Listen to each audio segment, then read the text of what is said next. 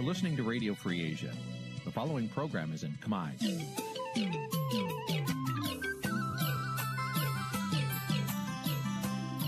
នេះជាកម្មវិធីផ្សាយ Vuthu Azizi Serai នេះជាកម្មវិធីផ្សាយរបស់ Vuthu Azizi Serai ជាភាសាខ្មែរ Vuthu Azizi Serai សូមស្វាគមន៍លោកអ្នកនាងទាំងអស់ពីរដ្ឋធានី Washington នៃសហរដ្ឋអាមេរិក ចាប់ផ្សាយផ្ទាល់ពីរដ្ឋធានី Washington នាងខ្ញុំខែស្នងសូមជម្រាបសួរលោកនាងកញ្ញាប្រិយមិត្តអ្នកស្ដាប់និងអ្នកទស្សនាការផ្សាយរបស់វិទ្យុអេស៊ីសរ៉ៃទាំងអស់ជាទីមេត្រីចា៎នាងខ្ញុំសូមជូនកម្មវិធីផ្សាយសម្រាប់យប់ថ្ងៃពុធ13រោចខែផលគុណឆ្នាំឆ្លូវត្រីស័កពុទ្ធសករាជ2565ដែលត្រូវនៅថ្ងៃទី30ខែមិនិនាគ្រិស្តសករាជ2022ចា៎ជាដំបូងនេះសូមអញ្ជើញលោកនាងស្ដាប់ព័ត៌មានប្រចាំថ្ងៃដែលមានមេតិការដូចតទៅ thank you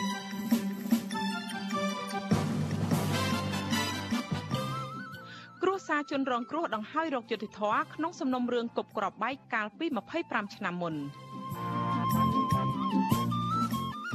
មេធាវីលោកកំសុខាពិចារណាស្នើសុំរដ្ឋបរទេសពាក់ព័ន្ធនឹងសំណុំរឿងលោកកំសុខាមកបំភ្លឺនៅតុលាការពលរដ្ឋមានចំនួនដីធ្លីជាមួយក្រុមហ៊ុនចិន UDG មិនទទួលយកគោលនយោបាយរដ្ឋាភិបាលខណៈអាជ្ញាធរបញ្ចប់ការដោះស្រាយ ចាយើងនឹងមានបទវិភាគមួយរបស់លោកជុនច័ន្ទបតថាតើលោកហ៊ុនសែនកាន់អំណាចបានរហូតមកទល់នឹងបច្ចុប្បន្ននេះតាមរបៀបណារួមនឹងព័ត៌មានផ្សេងផ្សេងមួយចំនួនទៀតចាជាបន្តទៅនេះនាងខ្ញុំខែសុណងសូមជូនព័ត៌មានទាំងនេះពុស្ដា ចាលោកនាងជាទីមេត្រីនៅថ្ងៃទី30ខែមិនិនាឆ្នាំ2022នេះគឺជាខួប25ឆ្នាំនៃហេតុការណ៍គប់គ្រាប់បែកដៃលើវងបាតកោអហិង្សា នៅមុខអគាររដ្ឋសភាចាស់ក្បែរព្រះបរមរាជវាំង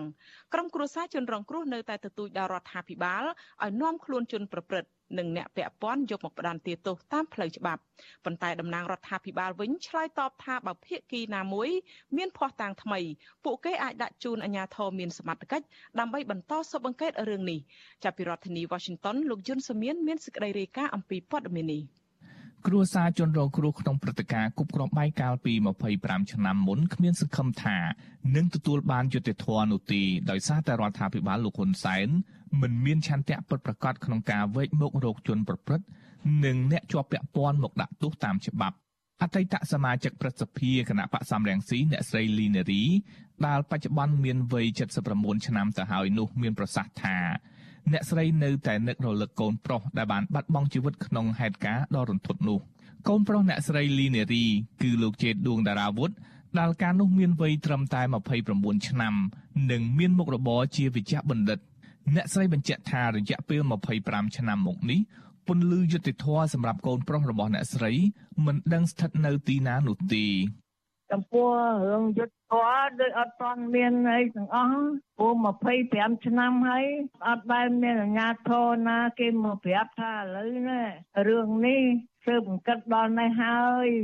រឿងនោះយ៉ាងម៉េចយ៉ាងម៉េចគឺអត់ដែលមានតអសោះគឺស្ងាត់ចឹងអញ្ចឹងដូចខ្ញុំគ្មានសង្ឃឹមទេលោកមួយអើយ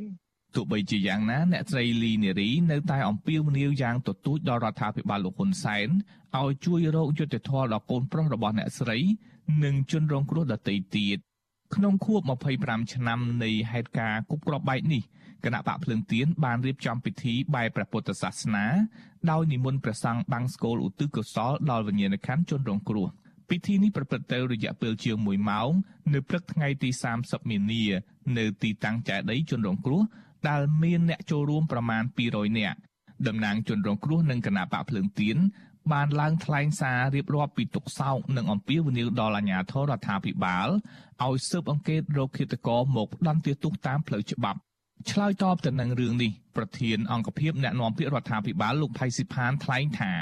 សំណុំរឿងនេះមិនទាន់បញ្ចប់នៅឡើយទេ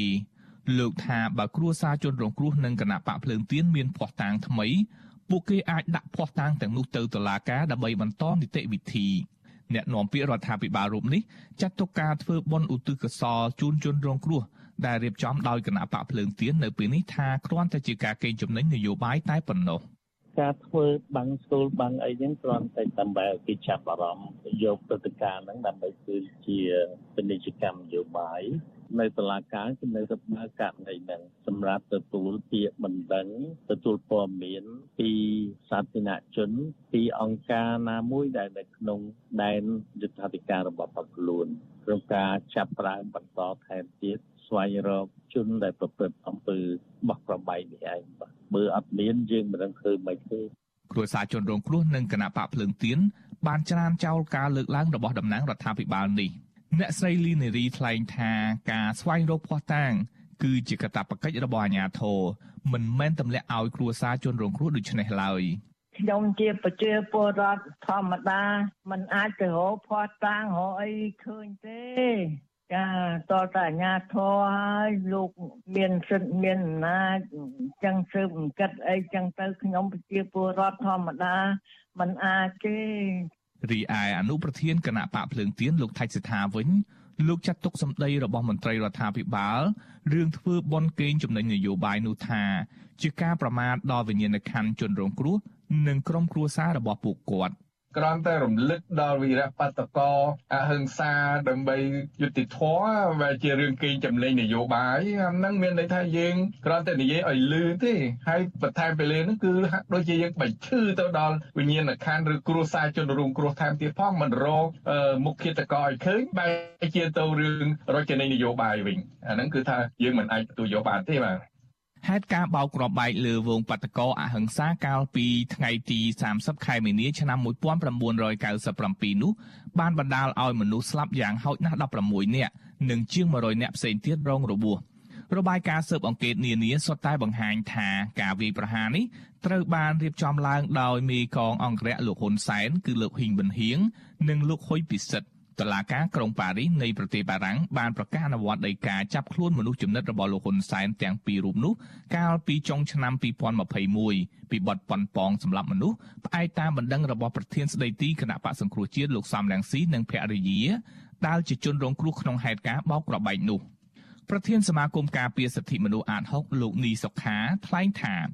ប្រសិនបើរដ្ឋាភិបាលកម្ពុជាមានឆន្ទៈរោគយុតិធធជូនជនរងគ្រោះមែននោះ សេចក្តីសម្រេចរបស់តុលាការបារាំងនេះអាចជាមូលដ្ឋានដ៏សំខាន់សម្រាប់ការស៊ើបអង្កេតបន្ថែមរដ្ឋាភិបាលយើងលោកមិនមានឆន្ទៈក្នុងការស្វែងរកយុទ្ធធម៌នៅក្នុងរឿងនឹងទេបើតាមខ្ញុំមើលពីព្រោះរយៈពេល25ឆ្នាំហើយអត់មានពលឺអីផងអានេះគឺយើងមើលឃើញអំពីរឿងហ្នឹងវាជារឿងនិទានភាពនៅក្នុងប្រទេសកម្ពុជាយើងហើយក្នុងខួប25ឆ្នាំនៃហេតុការបោកក្របែកនេះលោកសំរងស៊ីអតីតប្រធានគណៈបកជាតិខ្មែរ ដែលជាអ្នកដឹកនាំបដកម្មអហិង្សានៅគ្រានោះបានបង្ហោះសារលើទំព័រ Facebook ថាការរំលឹកខួបនៅឆ្នាំនេះខុសពីលើកមុនមុនព្រោះតឡាការបារាំង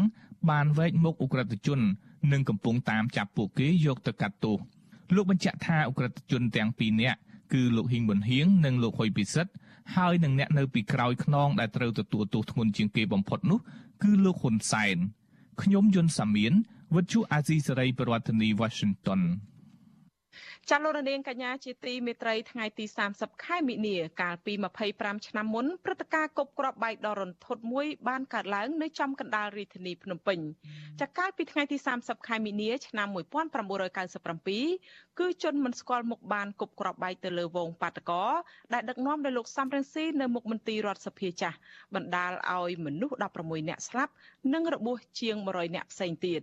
លោកសំរងស៊ីដែលជាជនរងគ្រោះម្នាក់ក្នុងចំណោមជនរងគ្រោះដទៃទៀតបានរំលឹកឡើងវិញអំពីហេតុការណ៍ដែលបានកើតមានឡើងនៅពេលនោះចាលោកសំរងស៊ីបានដឹងរឿងជាច្រើនតាក់ទងទៅនឹងព្រឹត្តិការណ៍គប់ក្របបែកនេះជាពិសេសអ្នកនៅពីក្រោយការគប់ក្របបែកនេះចាតើមានជនសង្ស័យណាខ្លះដែលជាប់ពាក់ព័ន្ធទៅនឹងព្រឹត្តិការណ៍គប់ក្របបែកនេះហើយថាតើក្រោយពេលដែលផ្ទុះក្របបែកភ្លាមភ្លាម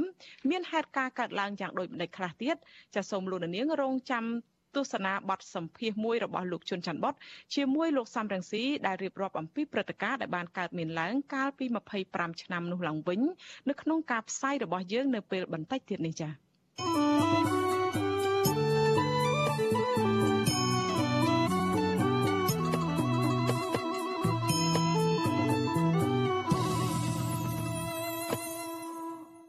ចាលោកនាងកញ្ញាជាទីមេត្រីចាលោកនាងកំពុងស្ដាប់នឹងទស្សនាការផ្សាយវិទ្យុអាស៊ីសេរីផ្សាយចេញពីរដ្ឋធានី Washington នៃសហរដ្ឋអាមេរិកចាំមកទល់នឹងឆ្នាំ2022នេះលោកហ៊ុនសែនបានកាន់អំណាចបានជាង37ឆ្នាំហើយការដែលលោកបានកាន់អំណាចបានយូរបែបនេះគឺមកពីលោកជាមេដឹកនាំដ៏ឆ្លាតវៃសង្រកគូប្រៀបមិនបានមួយរូបក្នុងចំណោមមេដឹកនាំផ្ដាច់ការទាំងឡាយនៅក្នុងប្រវត្តិ ប្រវត្តិសាស្ត្រពិភពលោកអ្វីត្បិតតែក្នុងរយៈកាលកាន់អំណាចជិត40ឆ្នាំនេះលោកហ៊ុនសែនធ្លាប់សាងកំហុសដែលធ្វើឲ្យលោកហៀបបាត់បង់អំណាចម្ដងជាពីរដងក្តីតែលោករៀនសូត្រពីកំហុសទាំងនោះបានទាន់ពេលវេលាហើយផ្លាស់ប្ដូរយុទ្ធសាស្ត្រដើម្បីឲ្យលោកនៅតែបន្តកាន់អំណាចបានដដែលចាសសូមលោកនាងរងចាំទស្សស្ដាប់បទវិភាគមួយរបស់លោកជុនច័ន្ទបតដោយពិនិត្យមើលថាតើលោកហ៊ុនសែនមានលក្ខណៈពិសេសខុសពីមេដឹកនាំផ្ដាច់ការនានាបែបណាដែលធ្វើឲ្យលោកអាចបន្តកាន់អំណាចបានយូររហូតមកទល់នឹងពេលបច្ចុប្បន្ននេះនៅក្នុងការផ្សាយរបស់យើងនៅពេលបន្តិចទៀតនេះចា៎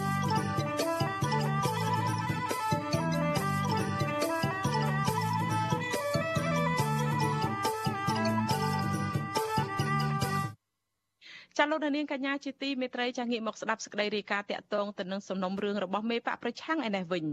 ចាក្រុងមេធាវីការពារក្តីឲ្យប្រធានគណៈបកប្រឆាំងលោកកឹមសុខាអះអាងថាពួកគេកំពុងពិចារណាក្នុងការស្នើសុំតុលាការឲ្យកោះហៅរដ្ឋបរទេសមួយចំនួនដែលរដ្ឋាភិបាលចោទប្រកាន់ថាបានខុបខិតជាមួយលោកកឹមសុខា ក្នុងការប៉ុនប៉ងផ្ដួលរំលំរដ្ឋាភិបាលមកបំភ្លឺចាមន្ត្រីសិទ្ធិមនុស្សដែលឃ្លាំមើលសវនាការនេះយល់ថាតុលាការគួរតែមានភាពក្លាហានឲ្យរដ្ឋបរទេសទាំងនោះមកបញ្ជាក់ការពិតឬតទល់គ្នានៅក្នុងតុលាការចាប់ពីរដ្ឋធានី Washington លោកទីនសាការីយ៉ារាយការណ៍ព័ត៌មាននេះរដ្ឋបរទេសដែលក្រុមមេធាវីការពារក្តីលោកកម្មសខាចង់ឲ្យមកបំភ្លឺនៅតុលាការនោះរួមមានសារអាមេរិកសហភាពអឺរ៉ុបប្រទេសអាល្លឺម៉ង់និងអង្គការអន្តរជាតិមួយចំនួនរដ្ឋទាំងនោះហើយដែលជាប់ពាក់ព័ន្ធនឹងសំណុំរឿងក្បត់ជាតិរបស់លោកកម្មសខាតាមការចោទប្រកាន់របស់រដ្ឋាភិបាលលហ៊ុនសែនកាលពីឆ្នាំ2017 សហមេធាវីការពារក្តីលោកកម្មសខាគឺលោកផែងហេងថ្លែងប្រាប់អ្នកសារព័ត៌មានក្រោយចប់សវនកម្មថាដំណើររឿងក្តីលោកកម្មសខានាពេលកន្លងមកត្រូវបានមេធាវីរដ្ឋាភិបាលចៅក្រមស៊ើបសួរនិងតំណាងអัยការចោទសួរពីទំនាក់ទំនងរបស់លោកកម្មសខាជាមួយនឹងរដ្ឋបរទេសទាំងនោះលោកបន្តថាក្រុមមេធាវីនឹងពិនិត្យលើករណីនេះថាតើគួរហៅសាកសីនៃប្រទេសទាំងនោះជាសាកសីចាំបាច់ណាមួយដើម្បីមកបំភ្លឺការពិតដែរឬទេ ទោះជាបែបនេះក្តីលោកមេធាវីមិនទាន់បញ្ជាក់ពេលវេលាជាក់លាក់ក្នុងការស្នើសុំរដ្ឋបរទេសទាំងនោះមកធ្វើជាសាកសីក្នុងតុលាការនៅឡើយទេដោយត្រូវរងចាំនីតិវិធីរបស់តុលាការជាមុនសិនគឺវាពាក់ព័ន្ធជាមួយនឹងបរទេសច្រើនអ្នកអញ្ចឹងហើយយើងនឹងពិនិត្យមើលថាតើគួរឲ្យហៅសាក់សីណាខ្លះដែលជាចាំបាច់ដើម្បីបង្ហាញការពិតទៅលើសំណុំរឿងរបស់អាដាមកម្មការនេះយើងចាំមើលនីតិវិធីថាដើរទៅចុងក្រោយដោយសារ ចៅក្រមគាត់ចែកកម្មវិធីអញ្ចឹងណាអញ្ចឹងទៅដល់ដំណាក់កាលមួយមួយថាដំណាក់កាលណាចាំបាច់ដែលយើងត្រូវស្នើសុំទាក់ទងនឹងការលើកឡើងរបស់សហមេធាវីលោកកម្មសខាបែបនេះវិទ្យុអសិរ័យមិនអាចសុំការបំភ្លឺពីប្រធានសាលាដំបងរាជធានីភ្នំពេញលោកតាំងសុនឡាយនិងអ្នកនាំពាក្យរដ្ឋាភិបាលលោកផៃសិផានដើម្បីសួរអំពីបញ្ហានេះបានទេនៅថ្ងៃទី30មីនាចំណែកអ្នកនាំពាក្យគណៈបកប្រជាជនកម្ពុជាលោកសុកអេសានយល់ថាការសម្រេចកោះហៅសាកសី និងភាគីពាក់ព័ន្ធណាមួយជាឆន្ទានុសិទ្ធិរបស់តុលាការទាក់ទងនឹងរឿងនេះដែរមេធាវីដំណើររដ្ឋាភិបាលដែលជាដើមបណ្ដឹងគឺលោកគីតិចធ្លាប់លើកឡើងថាមានប្រទេសចំនួន9ដែលជាប់ពាក់ព័ន្ធនឹងលោកកម្មសខាក្នុងនោះរួមមានឥណ្ឌូនេស៊ីយូហ្គោស្លាវីហ្សេប៊ីអូស្ត្រាលីអាមេរិកកាណាដាសហភាពអឺរ៉ុបតៃវ៉ាន់និងឥណ្ឌាជាមួយនឹងសវនាការលោកកម្មសខានៅថ្ងៃទី31មីនាគឺដោយសពដងដែរ តុលាការបានបើកសវនាការជំនុំជម្រះក្តីលោកកម្មសខាតែកន្លះថ្ងៃក្នុងមួយសប្តាហ៍ប៉ុណ្ណោះទោះក្រុមមេធាវីលោកកម្មសខាស្នើសុំបន្ថែមថ្ងៃជំនុំជម្រះបែបណាក្តីសវនាការលើកទី35នេះតំណាងអัยការបានសួរសំណួរដដែលដដែលដែលធ្លាប់បានសួរក្នុងសវនាការនៅពេលកន្លងទៅរួចហើយដែលជាសំណួរទាក់ទងនឹងការថ្លែងរបស់លោកកម្មសខានៅប្រទេសអូស្ត្រាលីកាលពីឆ្នាំ2013និងការធ្វើសកម្មភាពនយោបាយរបស់លោកកម្មសខាមន្ត្រីឃ្លាំមើលនឹងជាជំនួយការមេធាវីនៃសមាគមអាតហុក លោកយីសុកសានដែលបានឃ្លាំមើលសវនាការយល់ថាតំណាងអัยការហាក់មានចេតនាអស់បន្លាយពេលវេលានៃសវនាការនេះកាន់តែយូរថែមទៀតលោកសង្កេតឃើញថាការចាប់ប្រកាន់លោកកម្មសខាថាបានខົບខិតជាមួយរដ្ឋបរទេសភាគច្រើនគឺមានតែរូបថតដែលលោកយល់ថាជាភ័ស្តុតាងមិនរឹងមាំលោកបន្តថាដើម្បីជំរះមន្ទិលសង្ស័យនេះតឡាការគួរអនុញ្ញាតឲ្យរដ្ឋបរទេសដែលជាប់ពាក់ព័ន្ធក្នុងសំណុំរឿងនេះមកឆ្លើយបំភ្លឺអ នេះត្រូវតែតឡាការត្រូវតែមានឆន្ទៈឬភាពក្លាហានដើម្បីជួយមកដើម្បីឲ្យពួកគាត់មកបាននិយាយតទល់គ្នានៅចំពោះមុខច្បាប់ដើម្បីរកភាពស្អាតស្អំឲ្យជនរងគ្រោះឬក៏ខុសតាងដាក់បន្ទុកដើម្បីបើសិនជាគាត់ខុសឲ្យខុសតាមផ្លូវច្បាប់ឲ្យខុសឲ្យមានឯកសារត្រឹមត្រូវនេះការគិតរបស់ខ្ញុំបាទលោកកម្មសខាត្រូវបានសមត្ថកិច្ចសម្របចូលចាប់ខ្លួនកាលពីឆ្នាំ2017ដែលចោទប្រកាន់ពីបទក្បត់ជាតិនិងបានហាមឃាត់មិនឲ្យធ្វើនយោបាយនិងចេញក្រៅប្រទេស ជាង1ឆ្នាំនៃការចោទប្រកាន់នេះតឡាការមិនទាន់រកឃើញថាលោកមានទោសឬគ្មានទោសនៅឡើយទេហើយក៏មិនទាន់ក៏ហៅរដ្ឋបរទេសណាមួយមកឆ្លើយបំភ្លឺដែរក្រុមមន្ត្រីសង្គមស៊ីវិលតាមដានឃ្លាំមើលសវនាការលោកកម្មសខាតែងតែលើកឡើងដោយដូចគ្នាថាសំណុំរឿងលោកកម្មសខាជារឿងនយោបាយដូច្នេះអ្នកនយោបាយគឺជាអ្នកដោះស្រាយបញ្ហានេះតាមផ្លូវនយោបាយកាលពីថ្ងៃទី29មីនានារីកាពិសេសរបស់អង្គការសហប្រជាជាតិទទួលបន្ទុកផ្នែកសិទ្ធិមនុស្សប្រចាំនៅកម្ពុជាលោកវិទិតមុនតាបន បានថ្លែងក្នុងកិច្ចប្រជុំនៃក្រុមប្រឹក្សាសិទ្ធិមនុស្សរបស់អង្គការសហប្រជាជាតិថាលំហសិទ្ធិបរិវត្តនិងនយោបាយនៅកម្ពុជាកាន់តែរួមតូចទៅនិងកំពុងតែដើរថយក្រោយដោយសារតែការដឹកនាំបែបឯកបកលោកថាបញ្ហានេះបង្កឲ្យមានការព្រួយបារម្ភជាពិសេសក្នុងពេលដែលកម្ពុជាជិតបោះឆ្នោតឃុំសង្កាត់នៅខែមិថុនាខាងមុខកម្ពុជាបន្តជាប់លេខបាតតារាងថាជាប្រទេសគ្មាននីតិរដ្ឋកាលពីឆ្នាំ2021 កម្ពុជាជាប់លេខចិត្តចុងប៉ុយគេគឺលេខ138លើលេខ139ប្រទេសក្នុងរបាយការណ៍របស់អង្គការគម្រោងយុទ្ធធម៌ពិភពលោកតុលាការក្រុងនឹងបន្តសវនាការលោកកម្មសខានៅសប្តាហ៍ក្រោយដែលត្រូវនៅថ្ងៃទី6ខែមេសាខាងមុខខ្ញុំទីនសាការីយ៉ាស៊ីសេរីប្រធានីវ៉ាស៊ីនតោន ចាលោកនាងកញ្ញាជាទីមេត្រីចាំមកទល់នឹងឆ្នាំ2022នេះលោកហ៊ុនសែនកាន់អំណាចបានជាង37ឆ្នាំហើយការដែលលោកបានកាន់អំណាចបានយូរបែបនេះគឺមកពីលោកជាមេដឹកនាំដ៏ឆ្លាតវៃសង្រកគូប្រៀបមិនបានមួយរូបក្នុងចំណោមមេដឹកនាំផ្ដាច់ការទាំងឡាយនៅក្នុងប្រវត្តិសាស្ត្រពិភពលោកថ្មីត្បិតតែក្នុងដំណាក់រយៈកាលកាន់អំណាចជិត40ឆ្នាំនេះលោកហ៊ុនសែនធ្លាប់សាងកំហុសដែលធ្វើឲ្យលោកហៀបបាត់បង់អំណាចម្ដងជាពីរដងក្តីតែលោករៀនសូត្រពីកំហុសទាំងនោះទាន់ពេលវេលា ហើយផ្លាស់ប្ដូរយុទ្ធសាស្ត្រដើម្បីឲ្យលោកនៅតែបន្តកាន់អំណាចបានដដែលចាសសូមលោកនាងរងចាំស្ដាប់បទវិភាគមួយរបស់លោកជុនច័ន្ទបតដោយពិនិត្យមើលថាតើលោកហ៊ុនសែនមានលក្ខណៈពិសេសខុសពីមេដឹកនាំផ្ដាច់ការនានាបែបណាដែលធ្វើឲ្យលោកអាចបន្តកាន់អំណាចបានយូររហូតមកទល់នឹងពេលបច្ចុប្បន្ននេះនៅក្នុងការផ្សាយរបស់យើងនៅពេលបន្តិចទៀតនេះចាសសូមអរគុណ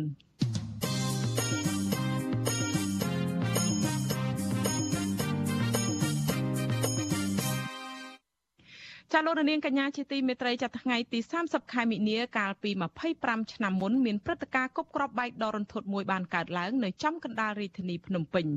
កាលពីថ្ងៃទី30ខែមិនិនាឆ្នាំ1997គឺជនមិនស្គាល់មុខបានគប់គ្រាប់បែកទៅលើវងបាតកោដែលដឹកនាំដោយលោកសំរងស៊ីនៅមុខមន្ទីររដ្ឋសភាចាស់ដែលបណ្ដាលឲ្យមនុស្ស16នាក់ស្លាប់និងជាង100នាក់ទៀតរងរបួស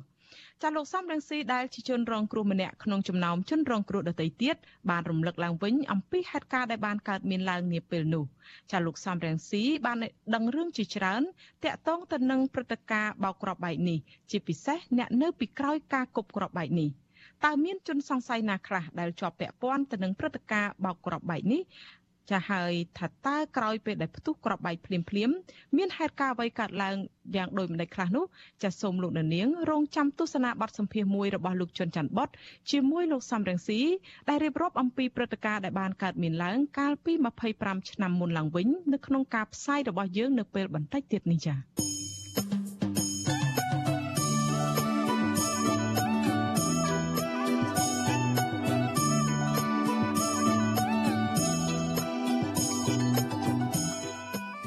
ចាលោករនាងកញ្ញាជាទីមេត្រីចាក្រៅពីលោករនាងទស្សនាការផ្សាយផ្ទាល់របស់យើងតាមបណ្ដាញសង្គម Facebook និង YouTube នេះចាលោករនាងក៏អាចស្ដាប់ការផ្សាយផ្ទាល់តាមវិទ្យុរលកធាតុអាកាសខ្លីឬ Shortwave តាមកម្រិតនិងកម្ពស់ដូចតទៅនេះចាប់ពេលព្រឹកចាប់ពីម៉ោង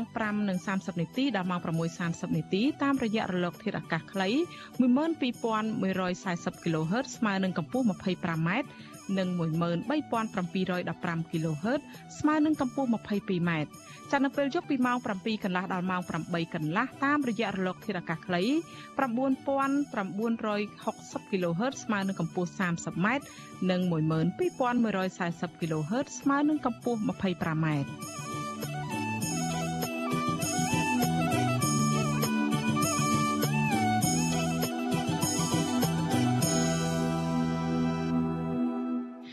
ចាលោករនាងកញ្ញាជាទីមេត្រីចាតកតងទៅនឹងស្ថានភាពនៃការរីករាលដាលនៃជំងឺ Covid-19 វិញចាក្រសួងសុខាភិបាលរកឃើញអ្នកឆ្លងជំងឺ Covid-19 ចំនួន33ករណីថ្មីទៀតដែលសុទ្ធតែជាវីរុសបំផ្លែងថ្មីអូមីក្រុងឆ្លងនៅក្នុងសហគមន៍ទាំងអស់ចាគិតត្រឹមព្រឹកថ្ងៃទី30ខែមីនានេះកម្ពុជាមានអ្នកកើតជំងឺ Covid-19 ជាង135,000នាក់ក្នុងនោះអ្នកជាសះស្បើយមានជាង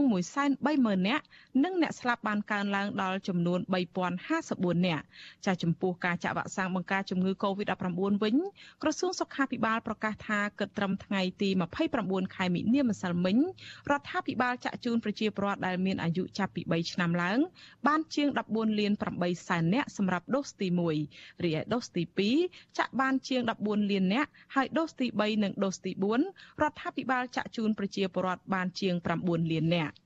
ចាលោកនាងជាទីមេត្រីចាដោយសារតែស្ថានភាពរីករាលដាលនៃជំងឺ Covid-19 ជាសកល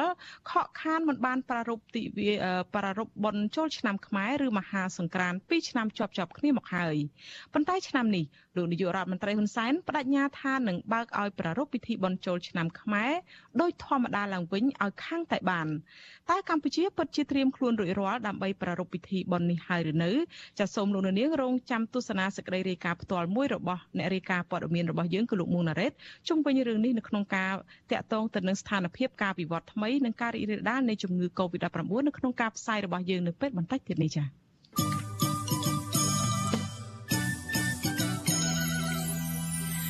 ចាលោកនាងកញ្ញាជាទីមេត្រីចាងាកមកស្ដាប់សេចក្តីរាយការណ៍តាក់ទងទៅនឹងវិវាទការងាររបស់ក្រុមហ៊ុន Casino NagaWorld ឯនេះវិញអាជ្ញាធរជាច្រើនអ្នកបន្តបង្ក្រាបដោយហិង្សាដោយហុំព័ទ្ធនិងចាប់រុញច្រានកោតក្រ NagaWorld ជាង200នាក់ក្នុងពេលដែលពួកគាត់ទាមទារតវ៉ាឲ្យក្រុមហ៊ុនដោះស្រាយវិវាទការងារនៅរាជធានីភ្នំពេញនៅរសៀលថ្ងៃទី30ខែមីនានេះតំណាងកោតក្រម្នាក់កញ្ញាពៅរស្មីប្រាប់ពទ្យុអសីសេរីថាអាជ្ញាធរជាច្រើនបានឡោមព័ទ្ធប្រើហឹងអំពើហិង្សានិងចាប់រុញក្រុមកោតក្រចូលទៅក្នុងរថយន្តរួចដឹកពួកគាត់ទៅទម្លាក់ចោលនៅជ័យទីក្រុងភ្នំពេញដោយសពដងកញ្ញាចាត់ទុកទង្វើរបស់អាជ្ញាធរនេះថាជារឿងអយុត្តិធម៌មិនអាចទទួលយកបានព្រោះថាពួកគេទាមទាររកដំណោះស្រាយពីក្រុមហ៊ុនប៉ុណ្ណោះការមិនព្រមទទួលយកសំណងរបស់វាពិតជាអយុត្តិធម៌សម្រាប់ពួកខ្ញុំខ្លាំងព្រោះ ពួកខ្ញុំត្រូវការដំណោះស្រាយពីក្រុមហ៊ុនពួកខ្ញុំនៅតែនិយាយដល់ដល់ថាវាជាវិវាទការងារទេចឹងលោកតកាចូលចរចាដល់កលឹកទី1មិនចាញ់ហើយកលឹកផ្សេងផ្សេងទៀតដល់មិនចាញ់បាទ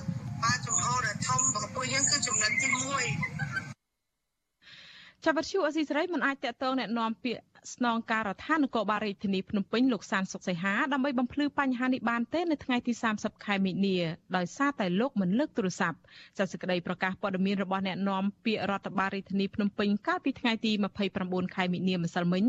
បានបដិសេធជំវិញការរិះគន់របស់សាធារណជនមកលើសមត្ថកិច្ចថាបានប្រើអំពើហិង្សាធ្ងន់ធ្ងរទៅដល់ក្រុមកោតក្រចាស់ក្នុងរយៈពេលប្រមាណថ្ងៃចុងក្រោយនេះ គឺអាជ្ញាធរក្រុងភ្នំពេញបានប្រើអំពើហិង្សាកាន់តែខ្លាំងទៅលើក្រុមកោតក្រដែលបន្តទាមទារដំណោះស្រាយនៅក្បែរអគារក្រុមហ៊ុនចាអាជ្ញាធរបានរុញច្រាន ចាប់គៀបអូសបោកភៀកច្រើន គឺកោតក្រជាស្ត្រីផ្ទប់ទៅនឹងរថយន្តរួចដឹកទៅទម្លាក់នៅតំបន់ដាច់ស្រយាលក្នុងខណ្ឌព្រែកភ្នៅ ដែលសំបីតែបន្ទប់ទឹកប្រើប្រាស់ក៏គ្មានផងចាប់ពេលដែលទៅដល់តំបន់ជ័យទីក្រុងភ្នំពេញក៏តកថាអាញាធរបានបង្ខាំងពួកគាត់នៅក្នុងរថយន្តរហូតដល់ម៉ោង5ល្ងាចទើបដឹកកោតកទៅទម្លាក់នៅឯទីលានប្រជាធិបតេយ្យដោយឲ្យពួកគាត់ទៅរកមធ្យោបាយធ្វើដំណើរត្រឡប់ទៅផ្ទះវិញរៀងៗខ្លួន។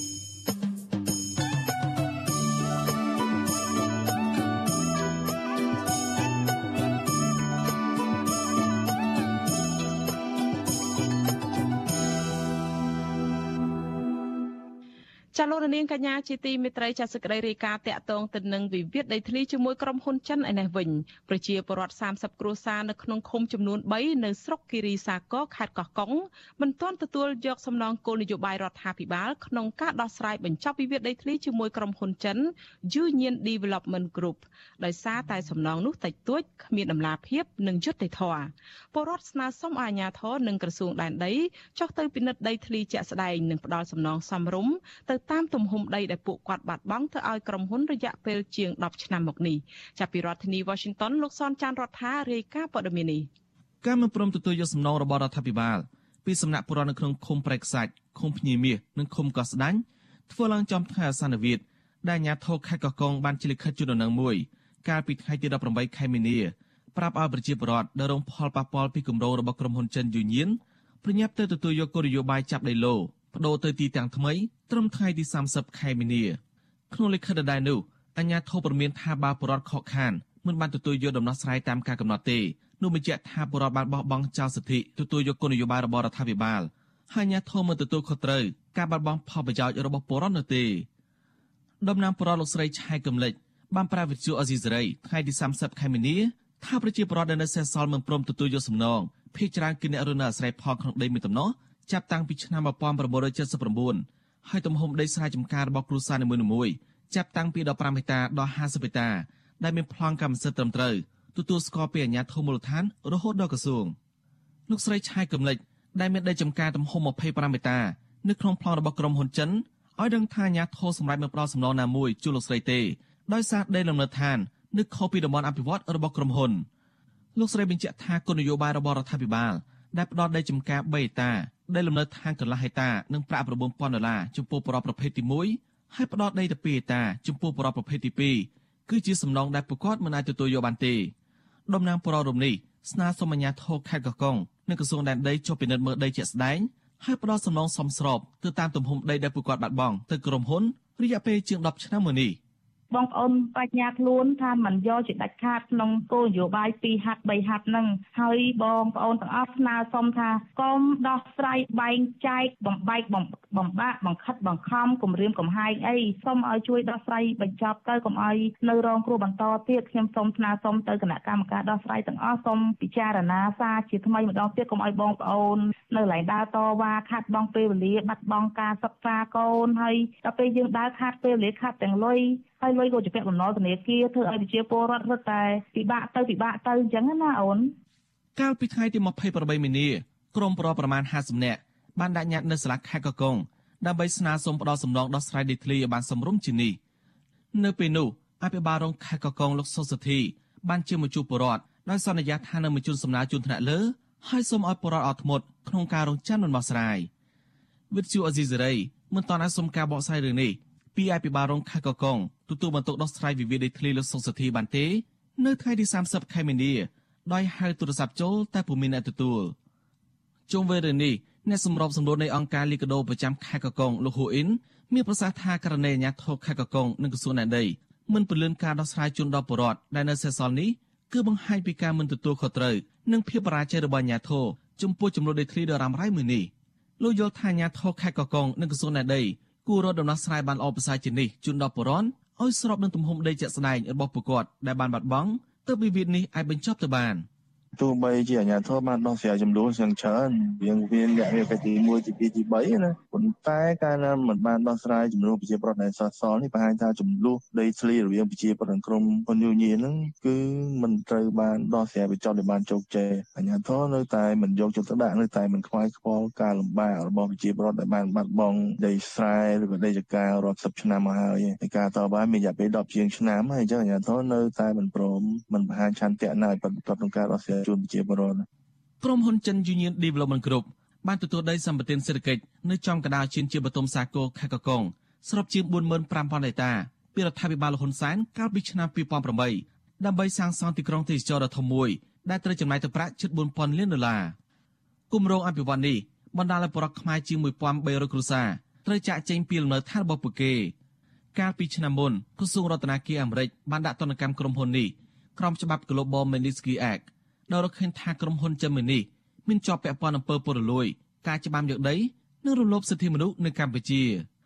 ក្រមប្រជាប្រដ្ឋដែលមិនទទួលយកគោលនយោបាយដីធ្លីនេះស្នើសុំរដ្ឋាភិបាលបើកវេទិកាពិភាក្សាជាមួយពលរដ្ឋនិងប្រោសសំណងសំរុំដែលអាចទទួលយកបានពលរដ្ឋទាំងនេះប្រកាសចំហថាបើអាជ្ញាធរមិនប្រោសសំណងដោះស្រាយល្អជាងនេះទេពួកគាត់នឹងនាំគ្នាជិះតវ៉ាតាមស្ថាប័នរដ្ឋលុះត្រាតែទទួលបានដំណោះស្រាយខ្ញុំសនចាររថាវិទ្យុអេស៊ីសេរី រាយការណ៍ពីរដ្ឋធានីវ៉ាស៊ីនតោន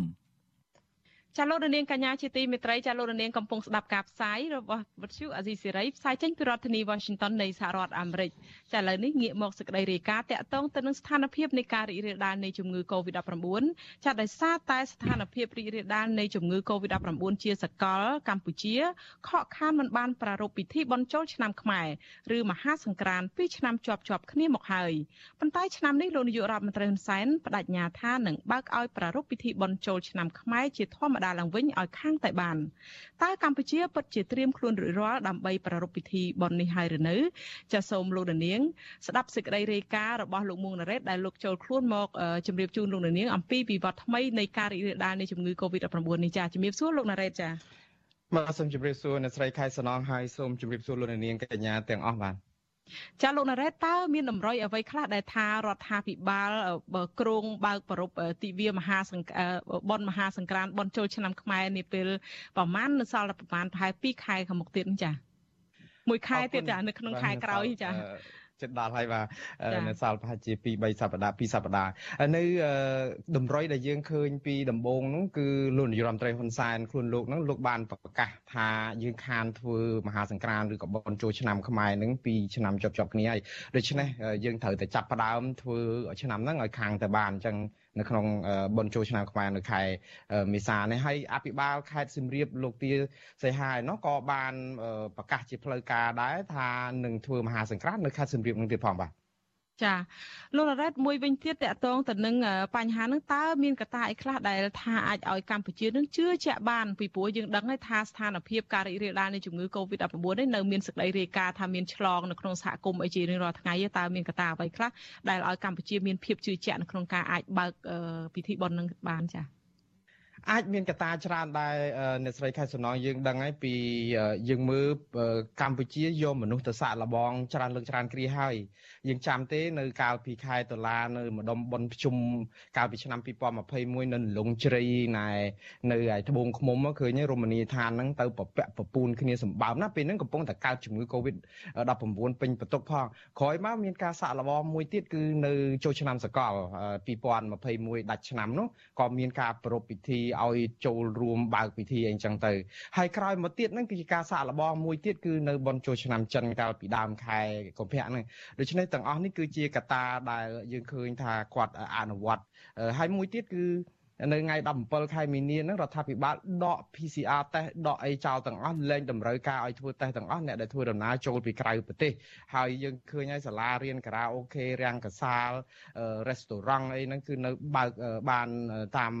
មួយសេរីទៅហើយដូច្នេះមួយទៀតគឺករណីដែលយើងឃើញករណីដែលថយចុះហ្នឹងក្នុងរយៈពេល10ថ្ងៃហ្នឹងតាំងយើងឃើញក្រសួងសុខាភិបាលហ្នឹងក៏រាយការណ៍ករណីថ្មីហ្នឹងចុះមកនៅក្រោម100%ហើយអាចនឹងមកពីច្បាប់សាំងហ្នឹងគាត់ចាក់បានទូទាំងប្រទេសក៏ថាបានចាចាអរគុណច្រើនលោកណារ៉េតនិយាយអំពីថាភាពជឿជាក់នឹងតើស្ថានភាពក្នុងស្ថានភាពបែបនេះកម្ពុជាអាចពិតជាបើកមហាសង្ក្រាមនឹងបានដោយសវត្ថភាពនឹងដោយចំណុចអ្វីខ្លះទៅលោកណារ៉េតមានចំណុចអីខ្លះដែលនឹងជំរាបជូនលោកនាងបានចារឿងនេះគឺវាអាស្រ័យទៅលើកត្តាប្រជាពលរដ្ឋទៅវិញទេដែលថាតើពួកគាត់អាចអនុវត្តវិធានការ សុខាភិបាលនឹងបានខ្ជាប់ខ្ជួនប៉ុណ្ណាយើងឃើញអ្វីសពបែបយ៉ាងនេះគឺកន្លងមកក៏យើងមានការព្រួយបារម្ភច្រើនដែរអំពីការឆក់ល្វែងដែលប្រជាពលរដ្ឋពង្រឹងកន្តើយមិនអនុវត្តវិធានការនេះឲ្យបានគុតមុតណាក៏ប៉ុន្តែយើងអាស្រ័យទៅលើពួកគាត់ដែរទេហើយដូចដឹងស្រាប់ដែរហើយប្រជាពលរដ្ឋខ្មែរយើងភាគច្រើនពួកគាត់រៀងធ្វើប្រហែសដែរអារឿងវិធានការនឹងជួនកាលហាមអញ្ចឹងទៅគាត់ទៅជុំគ្នាទទួលទានអាហារជុំគ្នាផឹកស៊ីជុំគ្នាយ៉ាងច្រើនអីអញ្ចឹងក៏មានអីអញ្ចឹងការ៉ាអូខេអឺ ប៉ុន្តែកម្ពុជាដូចជាមិនមានជំរឿសអីផ្សេងទៀតដែរនៅក្នុងការចង់ប្រពៃពិធីដើម្បីបើកឲ្យគេឃើញថាយើងនឹងចាប់ផ្ដើមបើកចំហទៅដើម្បីឲ្យសេដ្ឋកិច្ចនឹងដើរឡើងវិញព្រោះសេដ្ឋកិច្ចយើងក៏រៀងតដាបតដួសខ្លាំងដែរនៅក្នុងការបិទប្រទេសច្រើនពីពីឆ្នាំមកនេះហើយគាត់ថាប្រជាពលរដ្ឋគាត់ត្រូវប្រុងប្រយ័ត្នខ្ពស់ដោយខ្លួនឯងតែប៉ុណ្្នឹងឯងបងចាលោកណារ៉េតចុងក្រោយប្រមាត់ខ្លីពីរឿងថាប៉ុន្តែទោះយ៉ាងណាក៏ដោយការដែលខាងរដ្ឋាភិបាលតែងប្រកាសថាមានការចាក់ បង្ការឆ្នាំ COVID-19 ហ្នឹងបង្ការវ៉ាក់សាំងអីបង្ការហ្នឹងបានច្រើនណាស់ដែរអញ្ចឹងអាចថាវាជាចំណុចមួយអាចមានភាពជឿជាក់ហើយសុវត្ថិភាពបានដែរទេចា៎វ៉ាក់សាំងមែនតើទៅមិនមានវ៉ាក់សាំងណាអាចទប់ទល់អូមីក្រុងប្រភេទប្អូនអូមីក្រុងដែលកំពុងតែវាយលុកពិភពលោកខ្លាំងហើយរឿងដែលសំខាន់បំផុតនៅសៀងហៃទីក្រុងសៀងហៃប្រទេសចិនឯនេះវិញនៅក្នុងប្រហែលថ្ងៃនេះគឺបិទបិទ ទប់ទីក្រុងនឹងចោលទាំងត្រង់តែម្ដងគឺប្រជាពលរដ្ឋ25លានអ្នកកំពុងតែចលាចលដណ្ដើមបញ្ញាយគ្នាទិញម្ហូបអាហារអស់ពីធ្នើនៅកន្លែងផ្សារទំនើបផ្សារអីហើយដូច្នេះរឿងនេះគឺជារឿងមួយគួរឲ្យព្រួយបារម្ភហើយចិនចាក់វ៉ាក់សាំងបានស្ទើរតែរមនុស្សឡើងចាក់បានដែរណាហើយយើងក៏ចាក់វ៉ាក់សាំងសម្បូរបែបហ្នឹងគឺពីចិនដូចគ្នាដែរដូច្នេះស្ថានភាពនៅចិនកំពុងតែដាបខ្លាំងជាងឆ្នាំ2000ទៅទៀតឥឡូវយើងទៅជាធូរទៅវិញនេះគឺជារឿងមួយដែលគួរឲ្យចាប់អារម្មណ៍បាទ ចាតែយ៉ាងណានេះខ្ញុំសូមអរគុណច្រើនលោកណារ៉េតដែលបានចូលខ្លួនមកបញ្យល់ជំរាបជូនលោកនាងអំពីគម្រោងនៃការបើកមហាសង្ក្រាននៅឆ្នាំនេះថ្មីនេះចាសូមអរគុណលោកណារ៉េតនិងជំរាបលាលោកត្រឹមប៉ុណ្ណេះសិនចាបាទអរគុណមកសូមជំរាបលា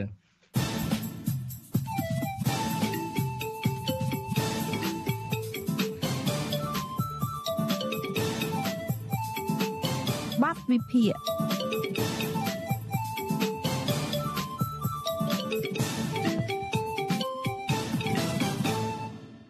ចាលោកនាងកញ្ញាជាទីមេត្រីចាមកទល់នឹងឆ្នាំ2022នេះលោកហ៊ុនសែនកាន់អំណាចបានជាង37ឆ្នាំហើយការដែលលោកអាចកាន់អំណាចបានយូរបែបនេះគឺមកពីលោកជាមេដឹកនាំដ៏ឆ្លាតវៃសឹងរកគូប្រៀបមិនបានមួយរូបក្នុងចំណោមមេដឹកនាំផ្ដាច់ការទាំងឡាយនៅក្នុងប្រវត្តិសាស្ត្រពិភពលោក។ ថ្មីត្បិតតែក្នុងរយៈកាលកាន់អំណាចជិត40ឆ្នាំនេះលោកហ៊ុនសែនធ្លាប់សាងកំហុសដែលធ្វើឲ្យលោកហៀបបាត់បង់អំណាចម្ដងជាពីរដងក្តី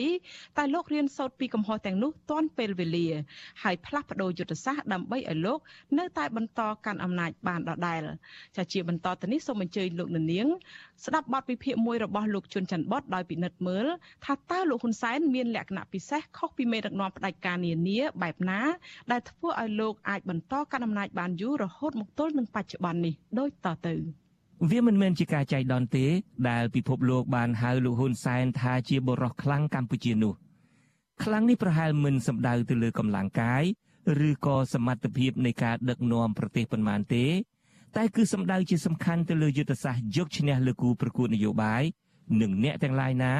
ដែលប្រឆាំងនឹងរូបលោកតាមគ្រប់ល្បិចកលនិងគ្រប់មធ្យោបាយ គឺប្រហែលដោយយល់ពីសមត្ថភាពអាចយកឈ្នះគូប្រកួតនៅគ្រប់ខ្សែវាននេះហើយបានជាឈ្មួញដ៏ធំម្នាក់នៅកម្ពុជា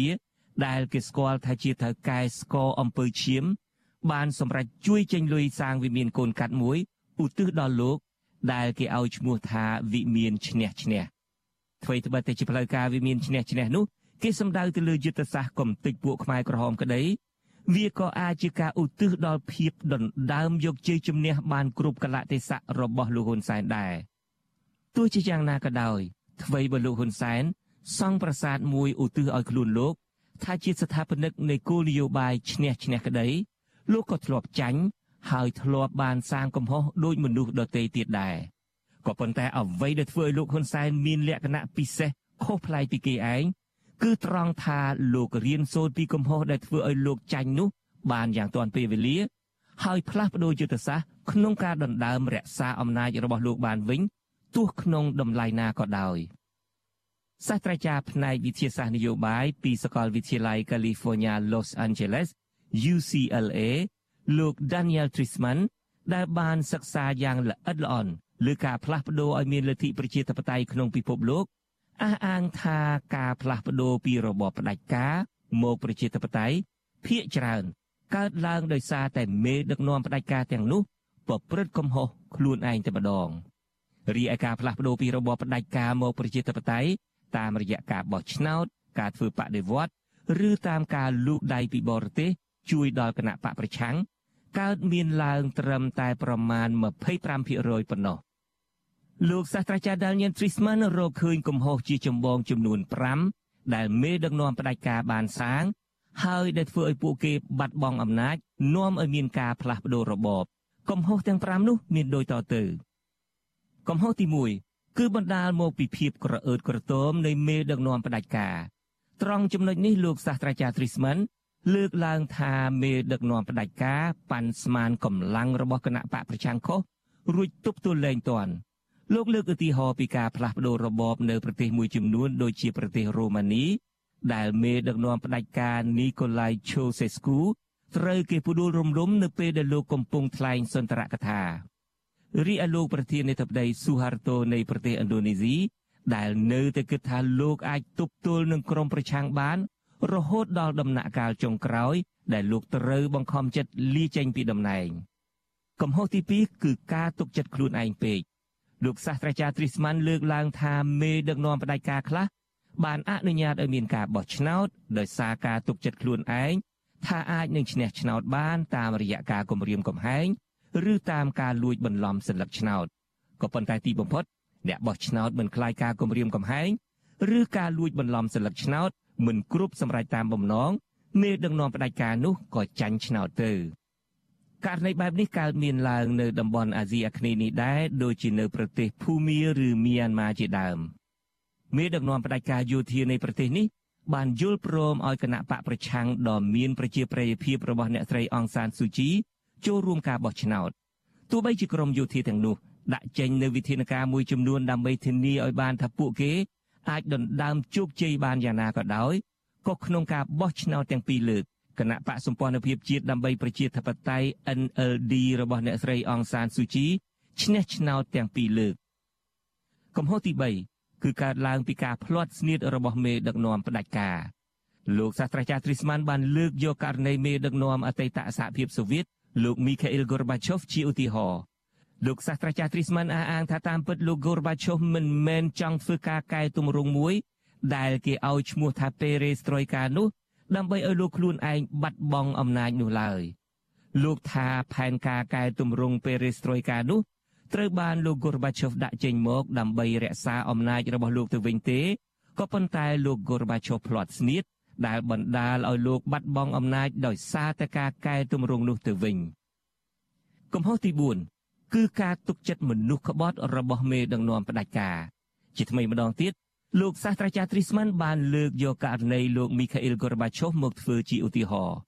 លោកហ្គូរបាឆូវបានទុកចិត្តនឹងចងសម្ព័ន្ធភាពជាមួយលោកបូរីសយ៉ាល់ស៊ីន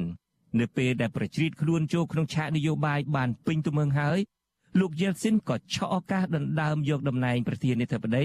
ជំនួសលោកហ្គូរបាឆូវតែម្ដងកំហុសទី5គឺការប្រើអំពើហិង្សាជ្រុលហួសហេតុពេកទៅលើក្រមប្រឆាំងពីសំណាក់មេដឹកនាំផ្ដាច់ការ តកតងទៅនឹងកំហុសទី5នេះលោកសាស្ត្រាចារ្យទ្រីស្មានអះអាងថាការមិនបង្ក្រាបឲ្យទាន់ពេលវេលា បណ្ដាលឲ្យក្រមប្រឆាំងដណ្ដើមអំណាចបាន វានឹងចាត់ចូលក្នុងប្រភេទកំហុសទី1ដែលធ្វើឲ្យមេដឹកនាំផ្ដាច់ការបាត់បង់អំណាចដោយសារភាពក្រអឺតក្រទមរបស់ខ្លួនក៏ប៉ុន្តែលោកថាការបង្ក្រាបបង្ហូរឈាមមានលក្ខណៈធ្ងន់ធ្ងរពេកក៏អាចរុញច្រានឲ្យមានការបះបោរទ្រង់ទ្រាយធំពីសំណាក់ប្រជាពលរដ្ឋឈានដល់ការទម្លាក់មេដឹកនាំផ្ដាច់ការ ចេញពីតំណែងបានដែរលោកសាស្ត្រាចារ្យទ្រីស្មិនអះអាងថាមេដឹកនាំផ្ដាច់ការសាងកំហុសក្នុងការដឹកនាំច្រើនជាងមេដឹកនាំដែលកាន់លទ្ធិប្រជាធិបតេយ្យលោកថាគឺភាពផ្ដាច់ការនោះតែម្ដង ដែលធ្វើឲ្យមេដឹកនាំផ្ដាច់ការប្រព្រឹត្តកំហុសទោះបីជាមេដឹកនាំផ្ដាច់ការអាចតែងតាំងជំនួយការទីប្រឹក្សារាប់រយនាក់តាមអំពើចិត្តក៏ដោយក៏សឹងគ្មាននរណាម្នាក់ក្នុងចំណោមនោះហ៊ានផ្ដល់យោបល់ ឬបញ្ចេញទស្សនៈអ្វីជំទាស់នឹងមេដឹកនាំផ្ដាច់ការនោះឡើយពួកគេបានត្រឹមតែដើរហែហោមចាំបញ្ជូបញ្ចើចបញ្ចើមេដឹកនាំផ្ដាច់ការក្នុងទិសដៅថែរក្សាមុខតំណែងដើម្បីកេងយកប្រយោជន៍ផ្ទាល់ខ្លួនតែប៉ុណ្ណោះទោះបីជាមេដឹកនាំនោះបញ្ចេញរឹកពីច្រឡំខាមជាគេជាឯងដាក់មេក្រូពីលើវេទិកាសាធារណៈក៏ដោយក៏មន្ត្រីនៅជុំវិញខ្លួនទាំងនោះនាំគ្នាទះដៃហួរបន្តតាម ហើយថែមទាំងចាត់ទុកភាសាដែលគេតែងឮជន់ពីលនិយាយតាមភាសានោះថាជាប្រសាសន៍ពោពេញទៅដោយកតេបណ្ឌិតទៅវិញក្នុងរយៈកាលកាន់អំណាចជិត40ឆ្នាំនេះលោកហ៊ុនសែនធ្លាប់សាងកំហុសដែលធ្វើឲ្យលោកហៀបបាត់បង់អំណាចម្ដងជាពីរដងកំហុសមួយចំនួនដែលលោកហ៊ុនសែនបានសាងអាចមានលំនាំស្រដៀងនឹងកំហុសទាំង5ដែលលើកឡើងដោយលោកសាស្ត្រាចារ្យទ្រីស្មានដែរក៏ប៉ុន្តែកំហុសខ្លះ ក៏បណ្ដាលមកពីកលៈទេសៈជំរុញឲ្យលោកហ៊ុនសែនស្ថិតក្នុងភាពទាល់ច្រកហើយលោកក៏បង្ខំចិត្តទទួលយកស្ថានភាពនោះតែម្ដងសង្គ្រាមត្រជាក់ដុតដើមឧត្តមភាពផ្នែកមនុស្សគុំវិជារវាងប្លុកសេរីនិងកុម្មុយនីសត្រូវបានបញ្ចប់នៅដើមទសវត្ស1990ប្រទេសមហាអំណាចមានសហរដ្ឋអាមេរិកសហភាពសូវៀតនិងចិន ដែលធ្លាប់តែមើលមុខគ្នាមិនត្រង់បានងាកមកចាប់ដៃគ្នាវិញ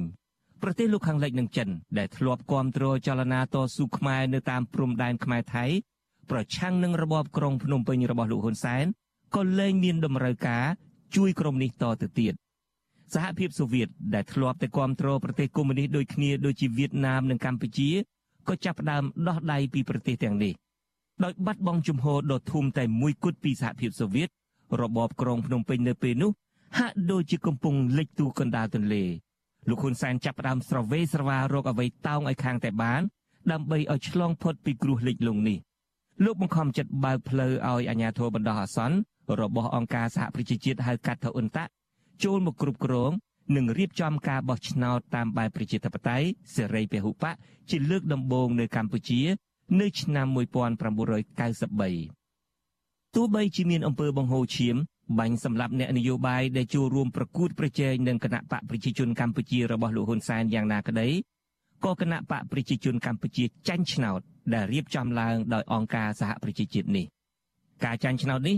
អាចចាត់ទុកថាជាការវាយតម្លៃខុសរបស់លោកហ៊ុនសែនដែលលោកគិតថាអាចនឹងមានជ័យជំនះបាន តាមរយៈការគម្រាមកំហែងនិងប្រើអំពើហិង្សាបង្ហូរឈាមមុនការបោះឆ្នោតនៅខែកញ្ញាឆ្នាំ1993 អង្គការសហប្រជាជាតិបានចេញផ្សាយរបាយការណ៍ចុងក្រោយមួយរបស់ខ្លួន អំពីអំពើហិង្សានយោបាយដែលស្ដាប់ទៅគួរឲ្យព្រឺឆ្អឹងខ្នងរបាយការណ៍នោះបានរៀបរាប់យ៉ាងលម្អិតអំពីការគំរាមកំហែងនិងការសម្លាប់អ្នកនយោបាយដែលហ៊ានងើបតតាំងនឹងគណៈបកប្រជាជនកម្ពុជាផ្អែកលើការស៊ើបអង្កេតនិងដោយមានភ័ស្តុតាងជាក់លាក់ផង របាយការណ៍នោះបញ្ជាក់ថា គឺរបបរដ្ឋកម្ពុជា ជាឈ្មោះថ្មីរបស់អតីតរបបសាធារណរដ្ឋប្រជាមានិតកម្ពុជា ដឹកនាំដោយគណៈបកប្រជាជនកម្ពុជានោះតែម្ដងជាអ្នកទទួលខុសត្រូវក្នុងការបំផិតបំភ័យនិងប្រើអំពើហិង្សាបង្ហូរឈាមទៅលើអ្នកនយោបាយនិងជនស៊ីវិលមុនការបោះឆ្នោតឆ្នាំ1993នោះសរុបទាំងអស់ជិត100លើកការគម្រាមកំហែងពីសំណាក់ក្រុមលោកហ៊ុនសែននៅពេលនោះត្រូវបានអង្គការសហប្រជាជាតិរកឃើញថាបានធ្វើឲ្យមនុស្សស្លាប់និងរបួស ទាំងអ្នកនយោបាយនិងទាំងជនស៊ីវិលសរុបចំនួន86នាក់លោកហ៊ុនសែនប្រហែលជាភ័យបុកពោះមិនស្ទើរទេនៅពេលដែលលោកចាញ់ឆ្នោតនោះមិនត្រឹមតែប្រឈមមុខនឹងការបាត់បង់អំណាចទេលោកហ៊ុនសែនក៏ត្រូវទទួលខុសត្រូវចំពោះមុខគណៈកម្មាធិការមជ្ឈិមបកកុម្មុយនីសគឺគណៈបកប្រជាជនកម្ពុជារបស់លោកផងដែរចំពោះការដែលលោកចេញមុខទៅចរចាជាមួយភៀកគីចំនួនកម្ពុជាដទៃទៀតដែលទីបំផុត នាំមកនៅភាពបរាជ័យចំពោះគណៈបកប្រជាជនកម្ពុជា ប្រហែលជាដោយសារមានអតីតភាពជាទាហានខ្មែរក្រហមលោកហ៊ុនសែនមិនសុខចិត្តចុះចាញ់ងាយងាយនោះឡើយលោកនៅក្រាញននៀលនឹងហ៊ានធ្វើអ្វីគ្រប់បែបយ៉ាង ដើម្បីរក្សាអំណាចរបស់លោកទោះក្នុងតម្លៃណាក៏ដោយដំបូងលោកតវ៉ាថាការបោះឆ្នោតនោះលំអៀងបន្ទាប់មកលោកបង្កឲ្យមានស្ថានភាពតានតឹង និងវឹកវរកម្រិតធ្ងន់មួយដល់កម្ពុជានាពេលនោះ ជំនួសឲ្យក្តីសង្ឃឹមថាកម្ពុជានឹងមានរដ្ឋាភិបាលស្របច្បាប់កើតឡើងតាមការបោះឆ្នោតដោយសេរីនិងយុត្តិធម៌កម្ពុជាបែរជាប្រឈមមុខទៅនឹងការអាចផ្ទុះសង្គ្រាមជាថ្មីនៅកណ្ដាលផ្ទៃប្រទេសតែម្ដង ហើយនឹងអាចឈានដល់ការពុះជ្រៀកប្រទេសកម្ពុជាជាពីរចំណែកផងដើម្បីស្ដារស្ថានភាពភាគីពាក់ព័ន្ធទាំងឡាយដែលមានសមត្ថកិច្ចជួយសង្គ្រោះកម្ពុជានាដំណាក់កាលនោះបានបង្ខំចិត្តប្រគល់ឲ្យលោកហ៊ុនសែន នៅតំណែងជានាយករដ្ឋមន្ត្រីទី2ក្នុងរដ្ឋាភិបាលចម្រុះមួយជាមួយគណៈបកឈ្នះឆ្នោតគឺគណៈបកហ៊ុនស៊ិនពេជ្រការដណ្ដើមបានអំណាចមកវិញនាពេលនោះ បានធ្វើឲ្យលោកហ៊ុនសែនធូរទ្រូងមិនតិចទេ ហើយក៏បានផ្ដល់បទពិសោធន៍ច្រើនបង្គួរដល់លោកហ៊ុនសែនលោកចាប់ផ្ដើមបដូរយុទ្ធសាស្ត្រខ្លះៗក្នុងការរក្សាអំណាចរបស់លោក លោកហាក់ស្បាត់រៀងចាលហើយបែបសន្យាក្នុងចិត្តតែម្ដងថាលែងឲ្យមានគណៈបកនយោបាយណា ដែលអាចមានសក្តានុភាពប្រកួតប្រជែងនឹងលោកតទៅទៀតហើយដូច្នេះហើយបានជាគ្រាន់តែចាប់ផ្ដើមរក្សាជំហរឡើងវិញបានបន្តិចលោកក៏ចាប់ផ្ដើមធ្វើសកម្មភាពរំលាយគណៈបកហ្វុនស៊ិនពេជ្រភ្លាមលោករំលាយគណៈបកហ្វុនស៊ិនពេជ្របានយ៉ាងងាយដូចបកជ័យទុំអ្នកតាមដានស្ថានភាពនយោបាយនៅកម្ពុជាភ្ញាក់ផ្អើលមិនតិចទេ ពេលដែលឃើញមន្ត្រីក្រាក់ក្រាក់នៃគណៈបកនេះខ្លះជាអ្នកវិលត្រឡប់មកពីប្រទេសលោកខាងលិចផង ប្រជែងគ្នា ហក់ត្របាក់នុយពីផ្លែសន្ទូចរបស់លោកហ៊ុនសែនហាក់ស្រែកឃ្លានជាទីបំផុតទោះនោះជានុយចន្លេននុយដង្កូវឬក៏នុយជ័រយ៉ាងណាក្តីតែមួយប្រើអ្នកនយោបាយដាច់នុយមួយចំនួននៃគណៈបកហ៊ុនស៊ិនពេជ្រនាំគ្នាលក់ខ្លួនរំលាយគណៈបកខ្លួនឯងរៀបស្មើដល់បាតដីជូនលោកហ៊ុនសែនទោះជាបំផ្លាញចោលគណៈបកនយោបាយធំមួយបានដោយជោគជ័យក៏ដោយលោកនៅតែរកវិធីទប់ស្កាត់ មិនឲ្យមានការងើបឡើងនៃចលនាអ្នកប្រឆាំងនឹងលោកដែរទន្ទឹមនឹងនៅតែប្រើអំពើហិង្សាបង្ហូរឈាម បង្ក្រាបគំរាមអ្នកនយោបាយប្រឆាំងឬអ្នកដែលរិះគន់នឹងលោកលោកក៏ចាប់ផ្ដើមយកប្រព័ន្ធតុលាការមកប្រើប្រាស់ជាឧបករណ៍ផ្ទាល់ខ្លួន សម្រាប់ចាប់អ្នកទាំងឡាយណាដែលជំទាស់នឹងលោកដាក់គុកឬរំលាយគណៈបកនយោបាយណា ដែលលោកមើលឃើញថាចាប់ផ្ដើមមានប្រជាប្រិយភាពជាងគណៈបកលោក ពាក្យចាស់បុរាណខ្មែរពោលថាដំរីជើង4គង់មានភ្លាត់អ្នកប្រាជ្ញចេះស្ទាត់គង់មានភ្លេចអ្វីត្បិតតែលោកហ៊ុនសែនធ្លាប់ប្រព្រឹត្តកំហុសដែលហៀបនឹងធ្វើឲ្យលោកបាត់បង់អំណាចម្ដងហើយនៅឆ្នាំ1993 20ឆ្នាំក្រោយមក គឺនៅឆ្នាំ2013លោកហ៊ុនសែនបានសាងកំហុសម្ដងទៀតដែលធ្វើឲ្យលោកប្រឈមមុខនឹងការបាត់បង់តំណែងជាលើកទី2 ប្រហែលជាលោកទុកចិត្តខ្លួនឯងថាលោកក្តាប់គណៈកម្មាធិការជាតិរៀបចំការបោះឆ្នោតគោជបបានពេញក្នុងដៃដែលអាចធានានូវជ័យជំនះពីការបោះឆ្នោតផងនិងជាធ្នូនៃការដកពាក្យបណ្ដឹងរបស់លោកសំរងស៊ីពីតុលាការក្រុងញូវយ៉កផងព្រមទាំងអាចមានគំនាបពីអន្តរជាតិផង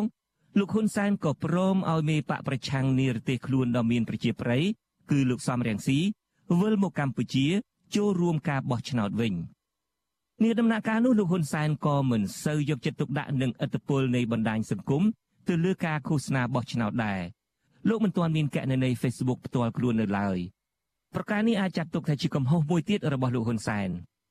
ការរួបរวมគ្នារវាងគណៈបកភ្លើងទៀននិងគណៈបកសិទ្ធិមនុស្សបង្កើតបាននៅគណៈបកប្រឆាំងដ៏ធំមួយនៅកម្ពុជា គឺគណៈបកសង្គ្រោះជាតិពលរដ្ឋខ្មែរទាំងក្មេងចាស់ប្រុសស្រីនាំគ្នាចេញគាំទ្រគណៈបកបង្រួបបង្រួមថ្មីនេះ ភ្លុកទឹកភ្លុកដី